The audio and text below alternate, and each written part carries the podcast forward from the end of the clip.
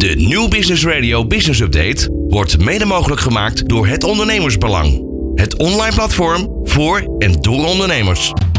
Nieuw Business Radio. Update met Ron Lemmens.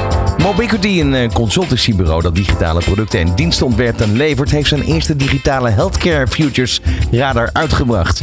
Teun Schut is hier te gast. Met hem ga ik praten over dit rapport en natuurlijk ook over Mobiquity. Van hippe start-up tot ijzersterke multinational. Iedereen praat mee op Nieuw Business Radio. Teun, van harte welkom hier bij New Business Radio. Ehm, ja, dat rapport, even in één zin. Wat, wat moet dit rapport gaan brengen? Het rapport geeft een overzicht over welke verschillende features, welke verschillende functies en elementen je eigenlijk terug kan vinden in uh, zorgapplicaties of applicaties die eigenlijk patiënten helpen om zich betrokken te voelen bij hun uh, ziekteproces en het managen daarvan. Dus erg nuttige bijdrage. Daar gaan we het uitgebreid over hebben, zometeen over wat er allemaal uitgekomen is. Maar eerst eventjes over Mobiquity, want jullie, jullie ontwerpen eigenlijk software en leveren diensten, maar zijn onderdeel van een groter geheel. Klopt. We zijn een softwarebedrijf, een software agency, leveren services van strategy, design, uh, software development, data, maar ook uh, communicatie en branding uh, services.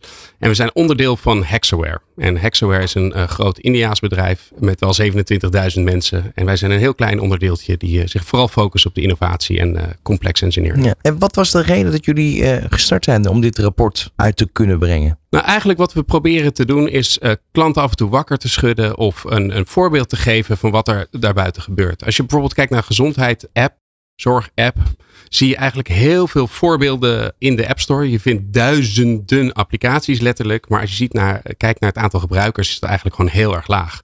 Dus wat maakt nou het verschil tussen een app die mensen wel willen gebruiken, een zinnige app, en de app die mensen niet willen gebruiken? En hierin proberen we in ieder geval te schetsen wat zijn nou de onderdelen die er minimaal in zitten. We geven nog geen waardeoordeel. Dat is eigenlijk een volgende stap. Maar wel een voorbeeld van dit zijn de minimale eisen waar het aan moet voldoen. En we geven een aantal voorbeelden van hoe wij denken dat het goed wordt gedaan. Eigenlijk om in gesprek te komen met onze klanten over hoe ziet een goede app eruit. Ja, ik kan me voorstellen dat leeftijd hier wel een belangrijke eh, factor bij is. Klopt dat? De leeftijd van de gebruiker. Ja.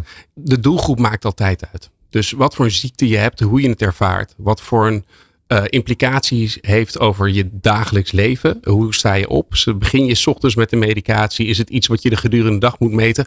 Alles heeft invloed op hoe je applicatie eruit moet zien. En hoeveel jij accepteert ook van zo'n applicatie. Wil je gestoord worden of niet? Dat kan voor een, een bloedsuikerwaarde die opeens te laag is. En je krijgt een signaal. Ja, is het ideaal. Maar als jij uh, elke dag een reminder krijgt over je medicatie die je toch wel trouw neemt. Dan wordt het heel erg irritant. Ja, dus, dus daar, daar zit met name denk ik ook uh, ja, de, de informatie in die jullie nodig hebben om die app te kunnen optimaliseren. Exact. Wat, wat kwam er nog meer uit? Kijk naar je doelgroep. Zorg dat je weet wat je doelgroep wil. Maar zorg ook dat je het haalbaar maakt. Als je bijvoorbeeld een belangrijk onderdeel is motivatie en je betrokken voelen bij je eigen uh, zorgproces. Um, en dat wordt voor verschillende apps op verschillende manieren ingericht. Um, je kan doelen heel erg functioneel zetten. Neem je medicatie, zorg dat je bloedwaarde X of Y uh, is. Maar dat is voor een patiënt vaak weinig tastbaar. Dus je moet het veel dichter bij huis weten te halen. En, je, en de applicaties die wij dan ook als voorbeeldapplicaties hebben aangewezen, zijn juist degene die een doel klein maken en echt betrekken op het leven van de patiënt. Naar buiten gaan, spelen, kleinkinderen zien, uh, afhankelijk van je situatie. Ja, want om een indicatie te geven, er zijn zo'n 350.000 gezondheids- en welzijnsapps in de wereld. Ja. Dat is enorm veel. Het is, het is bizar veel. Dus je, het gemiddelde aantal gebruikers is echt ontzettend laag. Uh, terwijl we altijd zeggen, je moet data gedreven leren. Nou ja, probeer jij maar van tien mensen ook nog eens goed te leren hoe een app het echt uh, doet. Dat is echt heel lastig. Ja. Dus, um, En, en de, daarbij de gebruiker, het staat of valt bij het gedrag van die gebruiker. Want uiteindelijk kan je alles uitzetten. Je kan je telefoon uitzetten. Dan heeft die app helemaal niks meer te doen eigenlijk. Dat lijkt me volgens mij de allerbelangrijkste factor die goed moet werken in zo'n app. Die gedragsverandering als het ware teweeg brengen. Hoe doe je dat? Dit is een hele terechte vraag. Je wil niet gestoord worden. Het is, we, we, hebben al zoveel wat ons afleidt gedurende de dag. Dus de vraag is, wanneer laat ik het toe dat mijn gezondheidsapp mij ook uh, afleidt? Heel veel applicaties kunnen ook gewoon op de achtergrond draaien. Dus ik hoef echt niet meer zelf mijn, mijn stappenteller aan te zetten. Dat doet mijn telefoon al voor mij. En dat kan ik wel laden in mijn medisch rapport. Dus er zijn heel veel manieren door uh, eigenlijk uh, integratie op de achtergrond te gebruiken. Waardoor ik als patiënt er al niet meer mee lastiggevallen word. En daarnaast moet ik zorgen dat ik wel iets heb wat nuttig voor mij is. Bijvoorbeeld wat ik kan gebruiken als ik in gesprek ga met mijn arts. Ik weet nog wel wat, hoe ik me gisteren voelde, maar niet drie maanden geleden. Of als ik voor mezelf even een notitie wil maken, dat het daarin vast ligt, laagdrempelig. Ook in de vorm waarin je het aanbiedt. Zorg dat het een chat is bijvoorbeeld, waarin je makkelijk snel een antwoord en een vraag kan krijgen.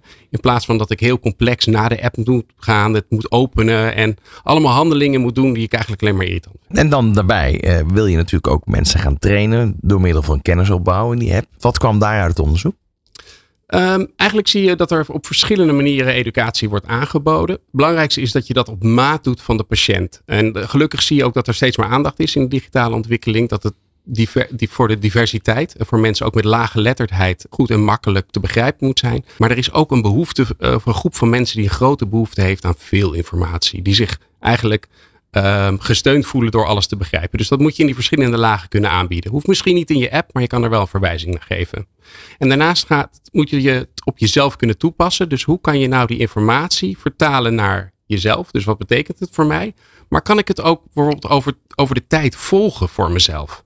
Dat je eigenlijk een soort indicatie krijgt hoe die informatie op jou van toepassing is. En dan wordt het, dan wordt het echt betrokken bij jezelf. Ja, dan heb je natuurlijk ook de ontwikkelingen, de technologische ontwikkelingen.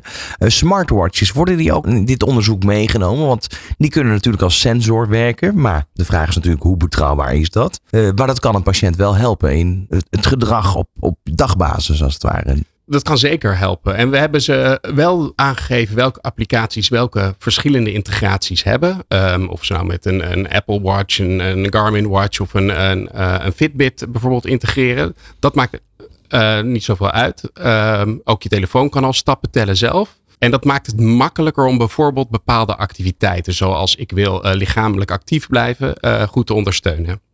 Um, je ziet ook andere waarden, bloedsuikerwaarden, zuurstofwaarden in je bloed steeds makkelijker monitoren. En daarmee verlaag je eigenlijk de drempel voor het gebruik van dit soort applicaties. Daarmee help je ook de zorgverlener. Ja. Daar heb je ook naar gekeken. Nou, dat, dat is eigenlijk cruciaal. We zijn nu in een project bezig uh, in genetisch obesitas, waar we een, een applicatie lanceren als support voor ouders van kinderen met genetisch obesitas. En wat daar belangrijk in is, dat je niet alleen die ouder meeneemt, die kind meeneemt, maar juist ook de behandelaar. Dat als die applicatie in de praktijk wordt getoond, dat die behandelaar denkt, oh ja, dit ken ik, dit is goed, hier staat nuttige informatie voor jou in. Want als die het niet ondersteunt en als die het niet direct begrijpt, of liefst zelfs iets kan toevoegen eraan, dan zie je dat eigenlijk ook de support voor die applicatie eigenlijk vervalt. Hoe, hoe kan dit dan in de toekomst nog verder verbeterd worden? Is dat ook bekend geworden uit dit onderzoek? Um, we doen nu niet direct aanbevelingen hoe je de toekomst zou kunnen verbeteren. Maar dit is eigenlijk het moment om in gesprek te gaan met de klant. Dus wat is jouw use case? Wat wil je nou echt bereiken? Welke stakeholders zijn er allemaal belangrijk in jouw landschap? En laten we daar starten. En als, als de zorg en um, bijvoorbeeld een medisch dossier een belangrijke rol speelt, dan moet je daar rekening mee houden van hoe je dat dan ook kan laten integreren met je applicatie. Maar dat hoeft niet altijd. Dus je moet ook voorkomen dat je onnodige kosten ja. maakt. Nu zei je net al bijvoorbeeld uh, ouders met kinderen. In hoeverre kan je uh, dit dus uitbreiden? Uh, de, de, apps, dat als het ware de sociale omgeving rondom de patiënt mee kan kijken? Je ziet in dat rapport een aantal van de applicaties die we hebben meegenomen. Juist ook dat sociale domein. Dat kunnen peer-to-peer, dus dat kunnen uh, medepatiënten, lotgenoten zijn. Maar dat kunnen ook um, hele communities zijn. Eigenlijk proberen te verbinden naar die applicatie. Dat kan in de app zijn, door mensen letterlijk met elkaar te verbinden, zodat ze kunnen chatten, activiteiten kunnen afspreken, uitdagingen met elkaar kunnen aangaan om bijvoorbeeld um, meer te bewegen, beter te eten. Maar het kan ook een sociale steun zijn. Bijvoorbeeld uh, voor, voor patiënten met een, een, depressie, als je je een keer wat somberder voelt, dat je dat kan uiten bij iemand die dezelfde gevoelens kent en herkent. Um, ja, dat kan eigenlijk super uh, goed helpen. En daar zie je heel veel vormen van. En ik verwacht dat dat wel blijft en gaat groeien nog. Ja, um, de conclusie van dit rapport. Welke aanbevelingen kan je er wel uithalen? Start bij de mens. En weet heel goed wat er voor jouw ziektebeeld, in jouw zorgsysteem ook, want daar kunnen ook verschillen uh, zijn, past. Ga niet zelf altijd meteen wat ontwikkelen. We zijn nu een applicatie aan het ontwikkelen voor Rhythm Pharmaceuticals. Samen met Patient Solution BV. Dat heet de, de BuddyU-applicatie. En dit farmaceutische bedrijf heeft ervoor gekozen juist om aan te sluiten bij een bestaand platform omdat de kosten en de moeite die je moet doen om iets te ontwikkelen, wat misschien niet eens door behandelaren uh, wordt opgepikt, eigenlijk veel groter zijn dan aan te sluiten bij iets wat vertrouwd is. Wat voor ook de arts bijvoorbeeld voor meerdere indicaties gebruikt kan worden. En dat soort aanbevelingen, dat, ik denk dat die het belangrijk zijn. Kijk gewoon goed naar je markt. Zie waar het past. En ja, ga slim met je keuzes en je geld om. Ja, maar ik kan me namelijk ook voorstellen dat uh, vooral de het invoeren van hè, het, het, gedrag van de patiënt erg cruciaal is. Dus uh, ik noem maar wat, je hebt het over obesitas. Daar is het erg belangrijk dat je ook registreert wat de patiënt eet in, in zo'n week. Uh, maar als dat niet nauwkeurig gebeurt, dan, dan gaat de data natuurlijk ook al helemaal scheef. Dat klopt. Dus daar, aan de ene kant klopt dat en aan de andere kant niet. Want soms gaat het ook alleen om de perceptie. Um, we hebben hier bijvoorbeeld hele discussie gehad over hoe moet een weegschaal um, geëikt zijn. Moet dat een professionele weegschaal zijn of mag dat er ook eentje thuis zijn? Heel veel meetpunten zijn prima als dat de meetpunten voor jou thuis zijn. Waarin jij zelf je vooruitgang ziet. En als je dan naar het ziekenhuis gaat en op een professionele weegschaal staan en het wijkt een beetje af, maakt dat niet zoveel uit. Want het gaat voor jouw motivatie tussendoor. En hetzelfde geldt voor diëten. Ik kan zien hoeveel calorieën iemand bijvoorbeeld heeft ingenomen. Maar ik kan ook vragen hoe de week was gegaan voor jou. En als jij zelf je conclusie geeft over die week, heb je vaak als zorgverlener of als uh, patiënt zelf prima idee of je een goede of een slechte week had. Dus vaak is die context veel belangrijker dan dat ene meetpunt. En ja dat is ook de truc om dat in die app mee te nemen. En daarbij, hè, wat je eigenlijk al zei in het onderzoek, is dus onderzocht van uh, hoe kan je er nog meer kennis bijbrengen. Um, is het daar ook niet een bepaalde cruciale factor dat op het moment dat de kennis bij de patiënt bekend is van welk proces uh, vindt zich nu af, speelt zich nu af in mijn lichaam, um, dat dat verbeelden maken, het verbeelden maken van die app, dat, dat helpt? Dat helpt dat helpt heel goed. Bewustzijn van je eigen ziektebeeld. Soms letterlijk technisch begrijpen, filmpjes zien van wat voor een interactie het heeft in je bloed. Zie je ook dat uh, uh, therapie en behandeltrouwheid gewoon op vooruit gaan. Maar we hadden het net over de genetische obesitas. Dat is een ziekte waarbij een stofje niet werkt in je hersenen. En het gevolg is dat je de hele dag honger hebt. Als jij dan als ouder van een kind van uh, een kind van met hyperfagie um, je moet inleven hoe zijn kind zich voelt. Dat is bijna onmogelijk. Want die heeft de hele dag door die prikkel. Dus je kan wel proberen aan die ouders uit te leggen hoe het voelt. En je probeert voorbeelden te geven zodat ze zich kunnen inleven. En dat helpt zeker. Maar er zullen ook andere methodes moeten zijn om, uh, om eigenlijk die familie daarin te helpen. Dus educatie werkt heel goed. Probeer het zoveel mogelijk dicht bij de patiënt te houden. Uh, en dat iedereen ook qua empathie begrijpt wat er gebeurt. Maar er zit een grens helaas aan. Ja, nu heb je dat, dat rapport. Uh, daarnaast ontwikkelen jullie natuurlijk veel uh, software en apps-achtige oplossingen voor de, de gezondheidszorg.